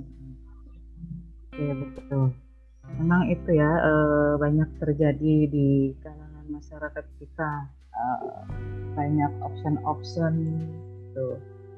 Yang pertama adalah uh, tadi dari uh, mungkin dari sisi psikologisnya ya untuk uh, mensupport selain mensupport uh, survivor juga mensupport keluarganya karena yang terdampak uh, uh, rasa berkabung pasca berkabung tadi itu semuanya. Yang pertama adalah ya tadi mendengarkan, mendengarkan keluhan. Jadi sudah dapat keluhannya, rasa cemasnya seperti apa. Ya yang paling tinggi adalah rasa cemas jika pengobatan ini tidak berhasil dan cemas uh, akan kematian. Nah, yang disupport pertama itu individunya. Jadi dengarkan pahami. Nah, kemudian uh, dengan kita mendengarkan itu sudah akan tidaknya mereka merilis emosi-emosi negatif yang didapatkan setelah uh, mendengar bad news tersebut. Seperti itu. Nah, uh, seberapa besar dukungan keluarga? Sangat besar. Uh, keluarga, selain keluarga teman-teman juga ya, teman-teman lingkungan sekitar yang ada di sekitar survivor itu harus saling uh, support ya. karena selain keluarga mensupport uh, survivornya keluarganya juga perlu disupport support siapa ya lingkungan sekitar dan tenaga ahli kemudian bagaimana uh, menghadapi uh, apa budaya ya budaya kita yang uh, menyarankan apa pengobatan-pengobatan tradisional ya tadi ya. Tetap uh, dari kita itu harus ada edukasi. Nah, edukasi dari dokter bahwa pengobatan dari medis ini penting gitu. satu tadi sudah juga dijelaskan oleh dokter ya ada uh, selain medis nomor satu itu penunjang lainnya juga ada seperti herbal herbal gitu. Gitu bisa Oke, makasih banyak Bu Dita. Semoga tadi uh, terjawab pertanyaan dari dari Meliati. Um, habis ini kita ada um, pemateri berikutnya, narasumber berikutnya dari Bu Juniati Juari. Sebelumnya terima kasih banyak kepada Bu Dita atas uh, materi yang telah disampaikan. Semoga uh, seluruh peserta yang hadir pada hari ini memahami dengan baik bahwa penting bagi kita untuk uh, selalu uh, berusaha bersikap baik terhadap para penyintas kanker maupun support uh, bagi mereka buat tahu bahwa pentingnya pengobatan daripada harus uh, berlarut-larut uh, memikirkan efek yang akan terjadi begitu. Makasih banyak Bu Dita. Uh, maaf kalau ada kesalahan atau kata perbuatan dari Lisa. Uh, berikutnya dari narasumber kita yaitu Bu Juniati Juari. Uh, waktu dan tempat Lisa persilahkan.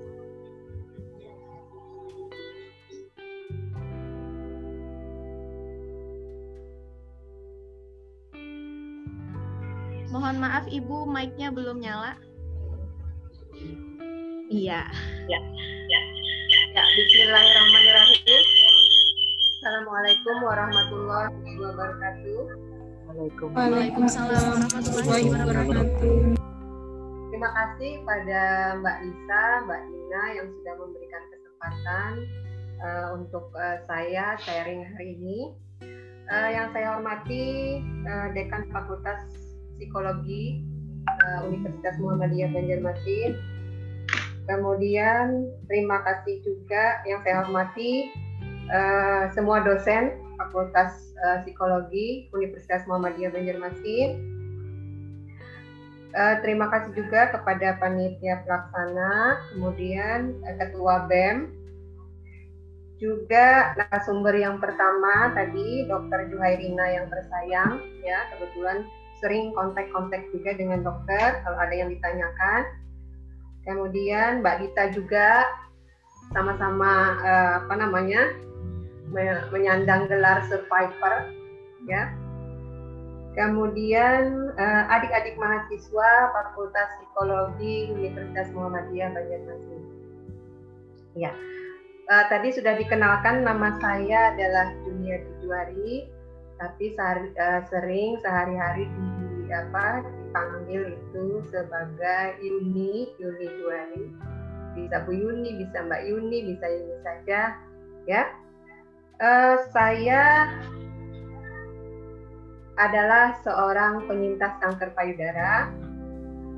Uh, pertama kali saya mendeteksi ada kelainan di payudara ada benjolan itu uh, awal Oktober 2016.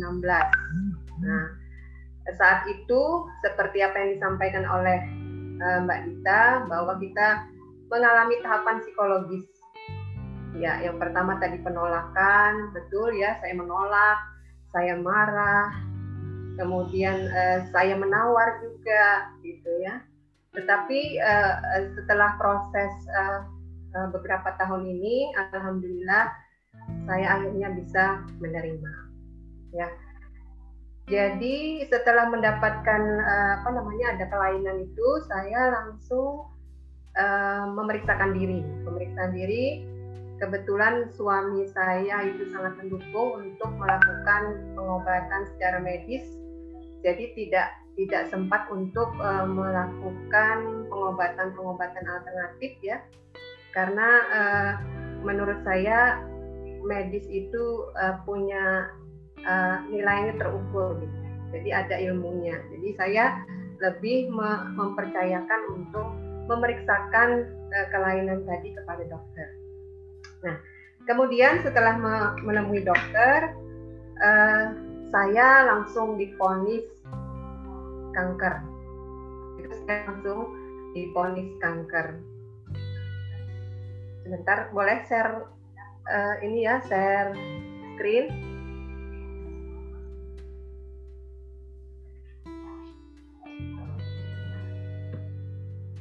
Bisa dilihat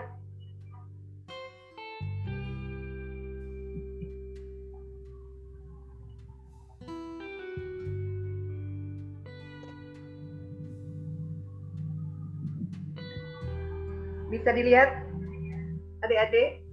Teman-teman? Sudah bisa, Bu. Oke, bisa, Bu. Bu.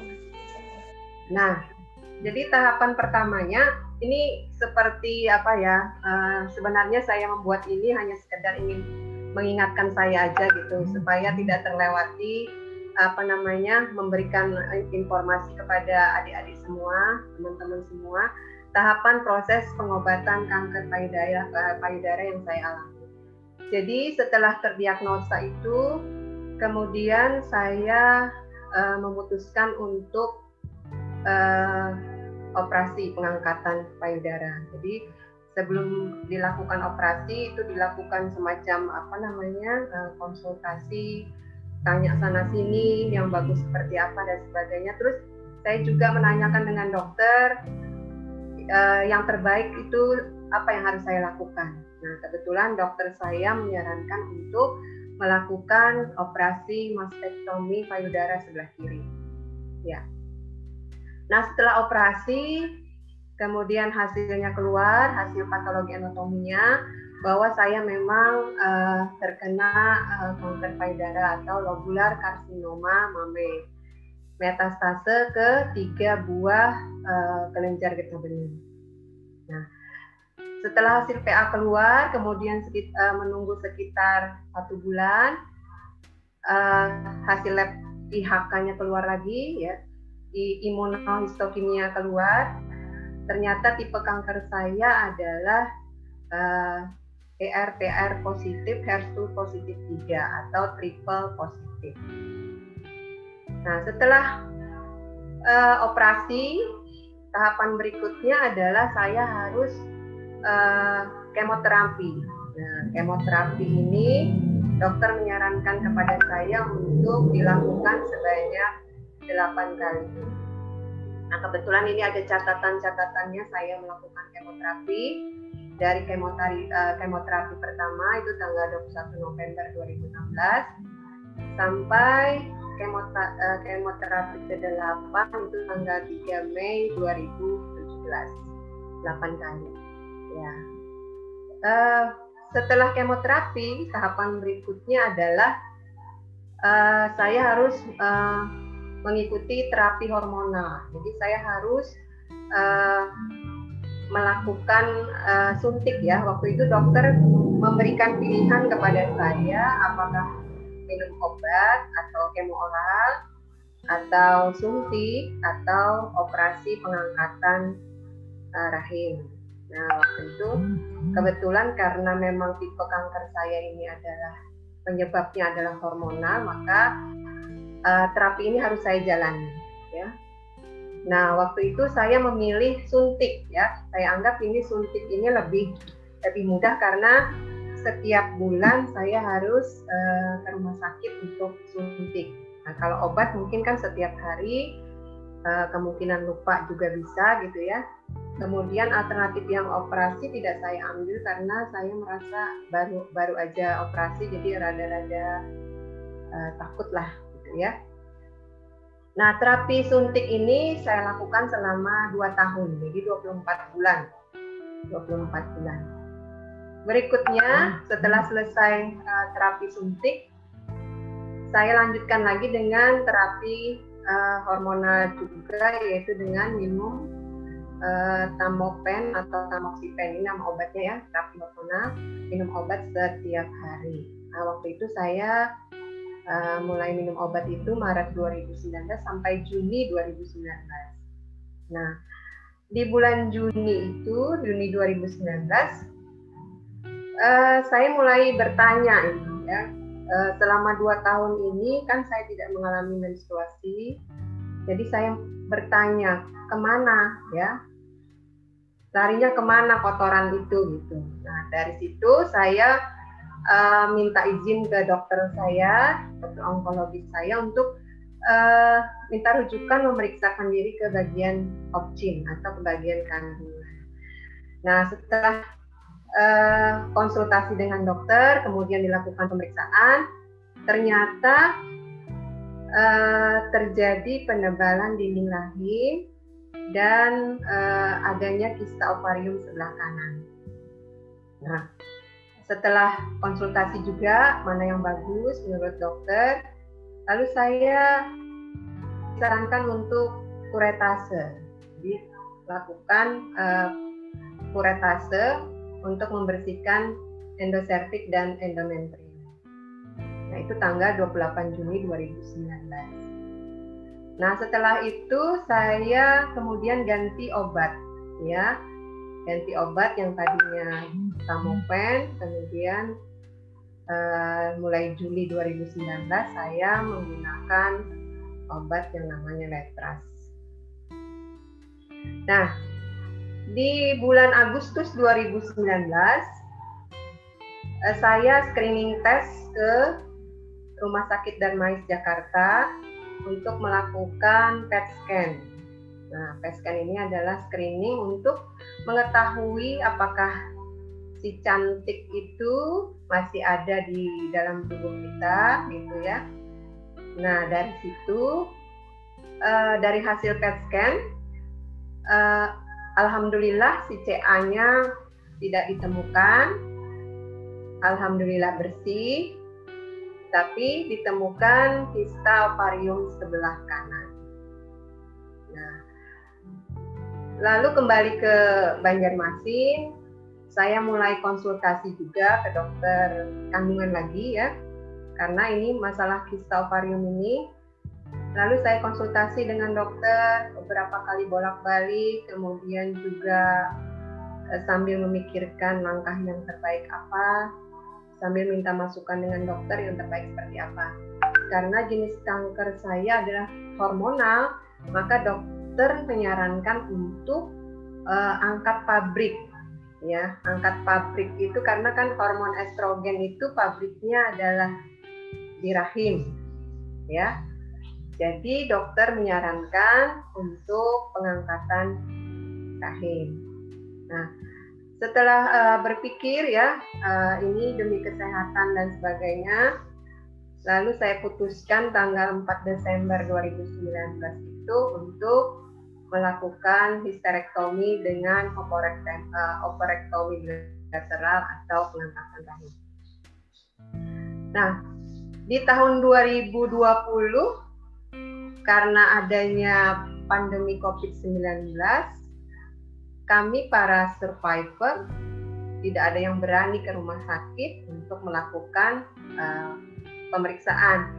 Karena memang kondisi saat itu tidak memungkinkan untuk kita memeriksakan diri ke rumah sakit. Karena memang kata dokter uh, kita sebagai survivor ini imun imunnya rendah. Jadi sebaiknya uh, di rumah saja, tidak usah ke rumah sakit, kecuali kalau memang uh, apa namanya harus ya misalnya harus kemo atau ada keluhan dan sebagainya. Nah kebetulan alhamdulillah selama pandemi tahun 2020 itu saya tidak ada keluhan ya di, di awal Januari sampai uh, November itu tidak ada keluhan Nah, di bulan Desember 2020 saya mencoba untuk uh, pemeriksa, melakukan pemeriksaan. Alhamdulillah waktu itu karena memang saat itu COVID-19 sudah mulai agak menurun. Jadi saya berani untuk ke rumah sakit melakukan screening. Alhamdulillah saat itu tidak uh, tidak ditemukan apa-apa dalam arti uh, masih dalam batas aman kankernya, uh, tidak uh, tidak ada proses penyebaran. Hasil uh, pemeriksaan saya itu tidak ada penyebaran. Tetapi memang ada keluhan waktu itu. Keluhannya adalah uh, bahu dan leher ini terasa berat. Dari situ memang dari dari hasil lab itu dinyatakan memang saya kolesterol tinggi. Jadi kolesterolnya kebetulan uh, di atas rata-rata. Jadi uh, kami berkesimpulan itu karena kolesterol. Nah setelah itu di Januari 2021 saya di awal-awal itu menemukan ada sesuatu di dada kiri saya. Nah, waktu itu sambil berkaca kemudian menanyakan dengan suami saya ini ada apa ini di dada. Eh ternyata memang agak berbeda gitu. Jadi eh, dari situ saya langsung me memberanikan diri memeriksakan lagi ke dokter onkologi saya Nah di situ setelah diperiksa ternyata uh, kankernya kambuh. Jadi kankernya kambuh muncul lagi di dada sebelah kiri. Nah, setelah uh, melakukan pemeriksaan detail, lalu uh, dokter saya menyarankan untuk uh, dibersihkan dulu ya, kankernya dibersihkan. Setelah dibersihkan baru nanti akan dilakukan uh, radiasi. Nah, jadi tanggal 6 Februari 2021 tadi kembali saya diuji lagi nih, diuji lagi dengan uh, munculnya si cantik dalam tubuh saya dan saya harus melakukan operasi pengangkatan massa jaringan lunak di dinding dada anterior kiri. Nah, ternyata setelah hasil PA-nya keluar, maka uh, kesimpulannya adalah invasif ductal karsinoma mama. Itu artinya uh, kanker yang disebabkan oleh uh, saluran.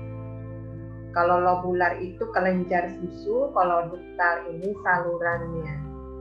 Itu penjelasan dokter saya. Jadi kembali kankernya muncul di lokasi yang sama ya, di bagian dada.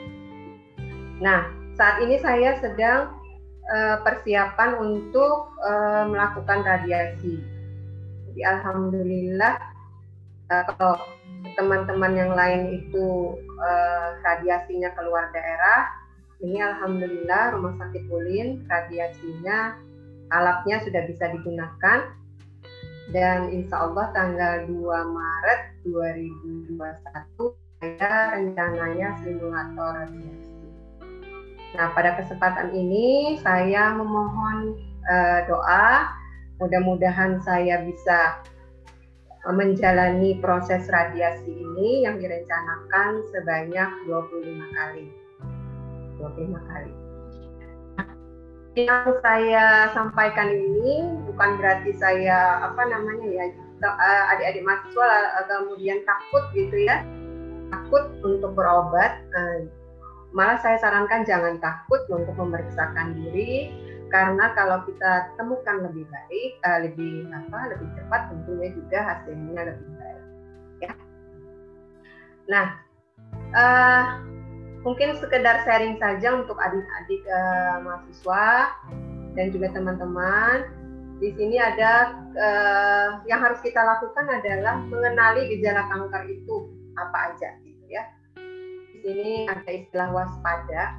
Waspada itu ini ini yang saya sampaikan ini adalah salah satu cirinya, tapi bukan berarti apa yang saya sampaikan ini pasti kanker, juga tidak ya.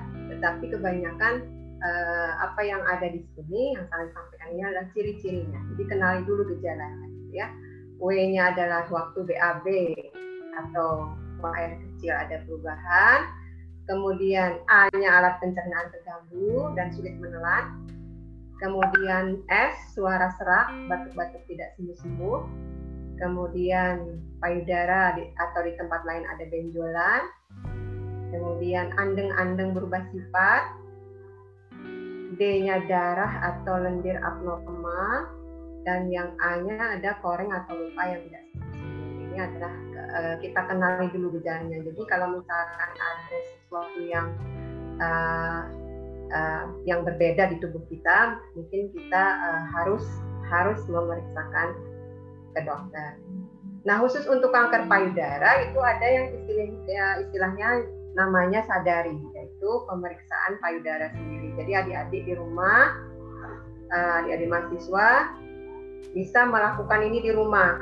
Jadi sambil mandi mungkin ya memeriksakan uh, payudaranya apakah ada kelainan. Kalau ada kelainan bisa langsung diperiksakan ke dokter. Kemudian uh, kita juga harus melakukan pola hidup sehat dengan cerdik seperti yang disampaikan oleh dokter Suhairina tadi bahwa uh, makanan memang makanan uh, harus harus sehat dan menunya seimbang. Nah, di sini C-nya adalah cek kesehatan secara rutin, kemudian enyahkan asap rokok, kemudian R-nya adalah rutin aktivitas fisik, ya. kemudian D-nya diet seimbang, makanan yang sehat tadi ya sudah disampaikan oleh dokter Juhairina. Kemudian I-nya istirahat yang cukup dan yang K-nya adalah kelola stres. Jadi kalau bisa nanti adik-adik semua bisa menerapkan pola hidup ini supaya tidak uh, mengalami apa yang saya rasakan. Ya.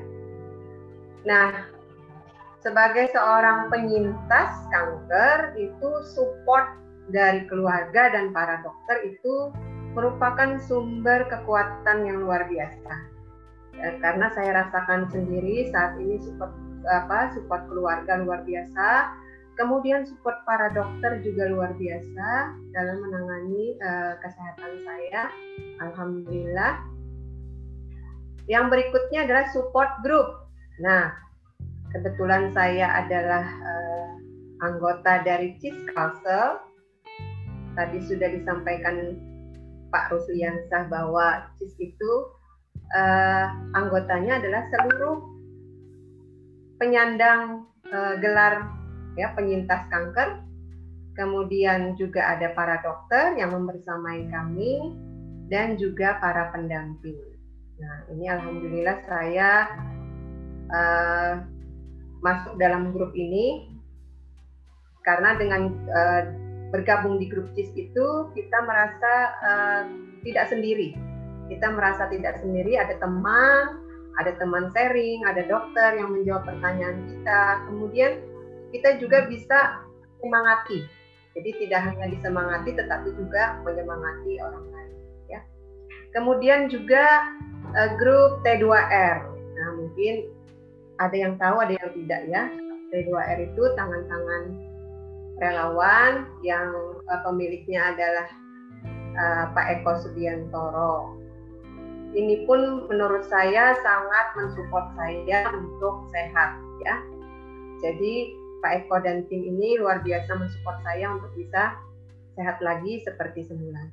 Nah, pada kesempatan ini saya mewakili keluarga saya, saya sebagai teman, sahabat Pak Eko Sudiantoro mohon doanya karena saat ini beliau sedang uh, berjuang untuk melawan COVID-19 yang saat ini sedang berada di ICU Rumah Sakit Ulin Banjarmasin. Jadi pada kesempatan ini mohon doanya dari dari semuanya, dari teman-teman, dari adik-adik semua, semoga beliau bisa kuat ya, bisa kuat dan bisa sehat kembali seperti semula.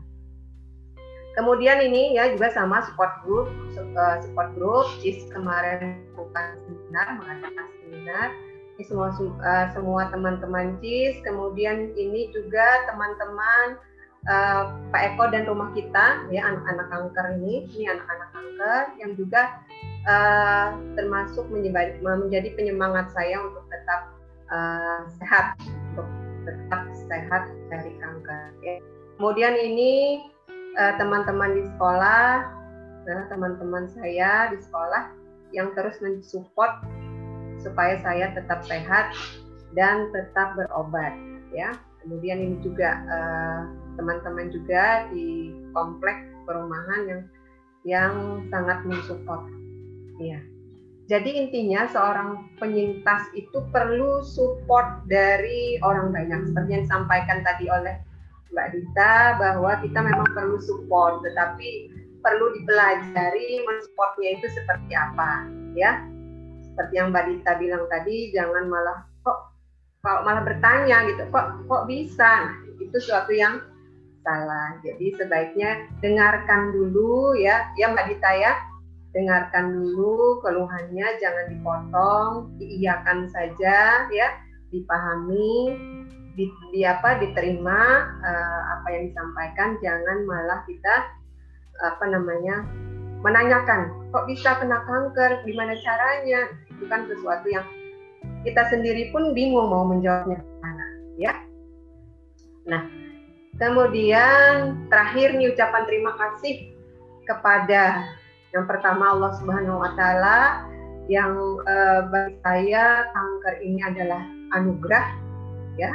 Seperti Mbak Dita bilang tadi ini kesempatan kedua betul ya. Artinya Allah itu memilih orang yang memang kuat dan yakin bahwa bisa melaluinya dengan ya. Kemudian suami saya tercinta dan seluruh keluarga besar. Kemudian saya yang selalu membersamai saya, Dr. Sasongko Hadi Priyono SPP Kaong, Dr. Budianto SPP Kaong, Dr. Haryadi SPOG Kaong, Dr. Iya Rido N SPOG, kemudian para dokter yang tergabung dalam grup Ceria Kalsel yang tidak bisa saya sebutkan satu persatu, termasuk tadi Dr. Juhairina tersayang, ya, yang sering juga mensupport, uh, mensupport saya WA. Kemudian perawat, tenaga kesehatan, karyawan Rumah Sakit Ulin dan Rumah Sakit Siaga Banjarmasin, keluarga besar Cis Kalsel yang hadir di sini. Terima kasih supportnya Pak Uli juga. Kemudian tangan-tangan relawan T2R, P. Eko Subiantoro dan tim, keluarga besar SMK Negeri 4 Banjarmasin, semua teman, sahabat, kerabat, handai tolan, siswa-siswi yang tidak bisa disebutkan satu persatu. Jadi saya ucapkan terima kasih banyak atas support dan doanya selama ini. Nah ini catatan ya.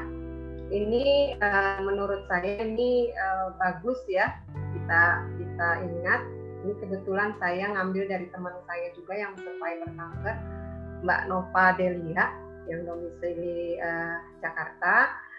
Beliau menyatakan bahwa yang pertama itu doa, ya sesuai dengan agama masing-masing. Jadi kita berdoa ya memohon kepada Allah uh, kesembuhan kita, ya kesehatan kita, semoga uh, apa namanya kita bisa melewati ujian ini dengan baik. Kemudian semangat. Nah, ini semangat ini faktor penentu juga. Jadi semangat makan, semangat berobat, ya. Kemudian semangat sehat, ya. Semangat untuk hidup lebih baik dan sebagainya. Kemudian yang ketiga adalah harapan. Nah, ya kita mesti harus punya harapan ya. Harapan kita supaya sehat, supaya hidup lebih baik, semua apa supaya menjadi orang yang bermanfaat dan dan yang terakhir adalah bahagia. Jadi bahagia ini kita ciptakan ya, tidak bisa minta untuk membahagiakan, minta orang lain untuk membahagiakan kita. Tetapi kita harus menciptakan bahagia itu semua ya, supaya kita bisa lebih uh, semangat ya untuk uh, membantu proses pengobatan kita. Jadi jangan takut uh, apa namanya kanker itu bukan akhir dari segalanya. Kita bisa beraktivitas normal seperti biasa. Kita bisa melakukan hal-hal lain yang lebih baik dan uh, ujung-ujungnya adalah kita sehat atau hidup berkualitas. Ya, jadi dari doa, semangat, harapan, bahagia ini akhirnya kita bisa menjadi seorang yang hidup dengan kualitas yang baik. Ya mungkin itu saja uh, apa namanya catatan saya untuk adik-adik semua. Jangan takut ini apabila ada yang apa namanya menemukan kelainan di tubuhnya silahkan memeriksakan diri kepada uh, orang yang tepat ya. Jangan memeriksakan diri kepada orang yang tidak tepat ya jadi adik-adik semuanya silahkan nanti periksa payudaranya sendiri ya sadari lakukan sadari di rumah jangan takut untuk bertanya ya tanyakan kepada orang yang tepat jangan menanyakan dengan orang yang tidak tepat karena kalau orang yang tidak tepat nanti bisa menyesatkan gitu ya Mungkin itu saja yang uh, sharing saya hari ini. Terima kasih atas kesempatannya. Uh, mohon maaf kalau ada kesalahan. Terima kasih. Assalamualaikum warahmatullahi wabarakatuh. Waalaikumsalam warahmatullahi wabarakatuh. Terima kasih kepada Bu Juniatri atas uh, sharingnya tentang pengalamannya dan juga sedikit tips-tipsnya buat para peserta semua.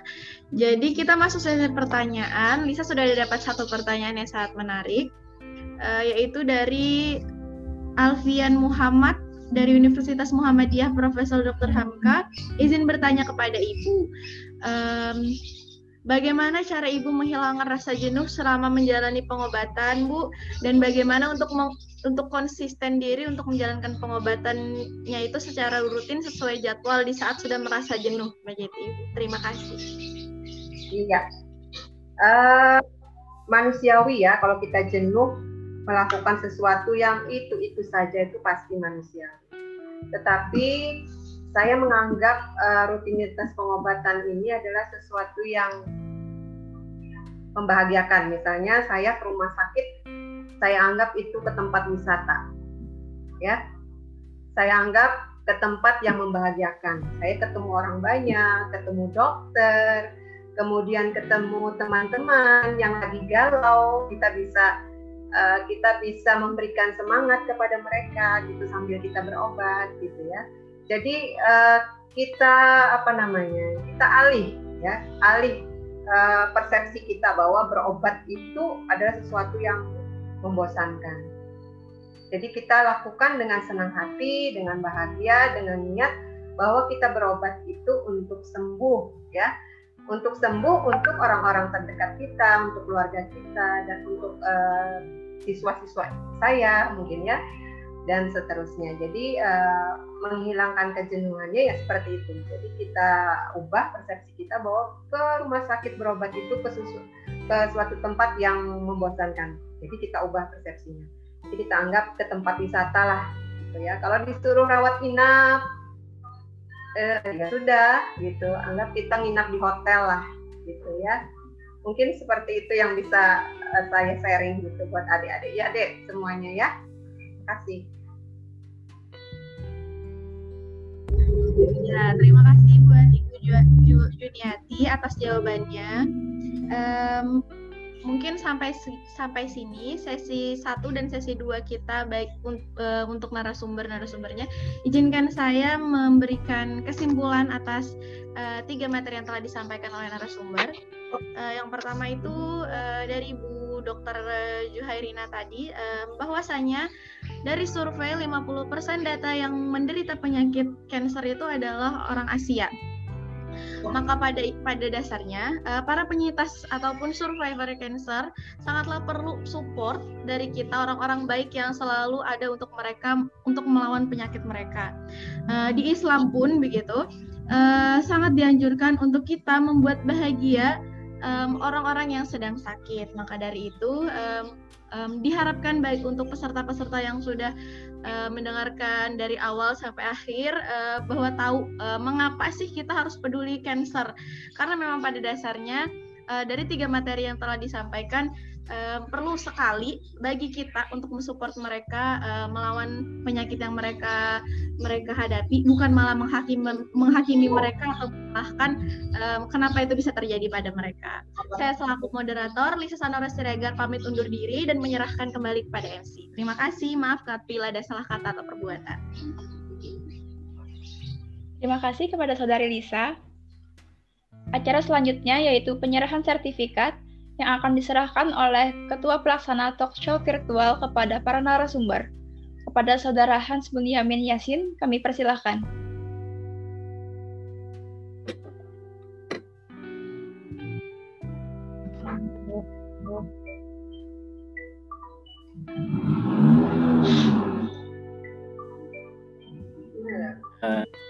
pada Ibu Dokter Juhairina MKes SPGK terlebih dahulu nih katanya Bu.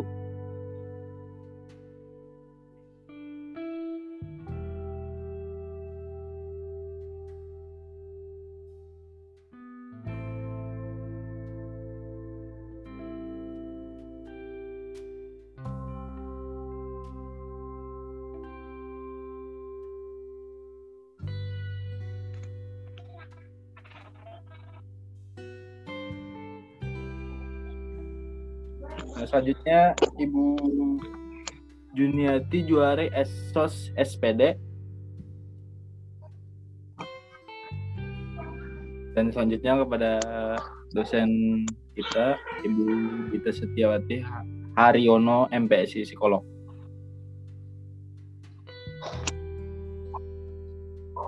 Baik, acara saya kembalikan kepada MC. Hadirin sekalian, tidak terasa kita sudah sampai di penghujung acara, yaitu penutup. Dengan menutup acara ini, mari kita bersama-sama mengucapkan hamdalah. Alhamdulillahirabbil alamin. Dan diingatkan kembali kepada seluruh peserta talk show virtual agar dapat mengisi link absensi yang telah disediakan di room chat. Karena itu untuk data mendapatkan e-sertifikat nantinya. Sekali lagi, saya ucapkan terima kasih kepada seluruh peserta dan narasumber pada acara talk show virtual hari ini yang telah meluang, yang telah meluangkan waktunya untuk dapat berpartisipasi. Salah hilap mohon maaf. Jika ada kekurangan dari kami selaku panitia, mohon untuk dimaklumi. Semoga kita dapat bertemu kembali di lain kesempatan. Saya Dina Amalina, selaku pembawa acara, pamit undur diri. Assalamualaikum warahmatullahi wabarakatuh. Waalaikumsalam warahmatullahi wabarakatuh. Terima kasih. Terima kasih, Bu. Terima kasih, terima kasih Ibu, terima kasih kasih, Bu. banyak. Kita Terima kasih, Bu.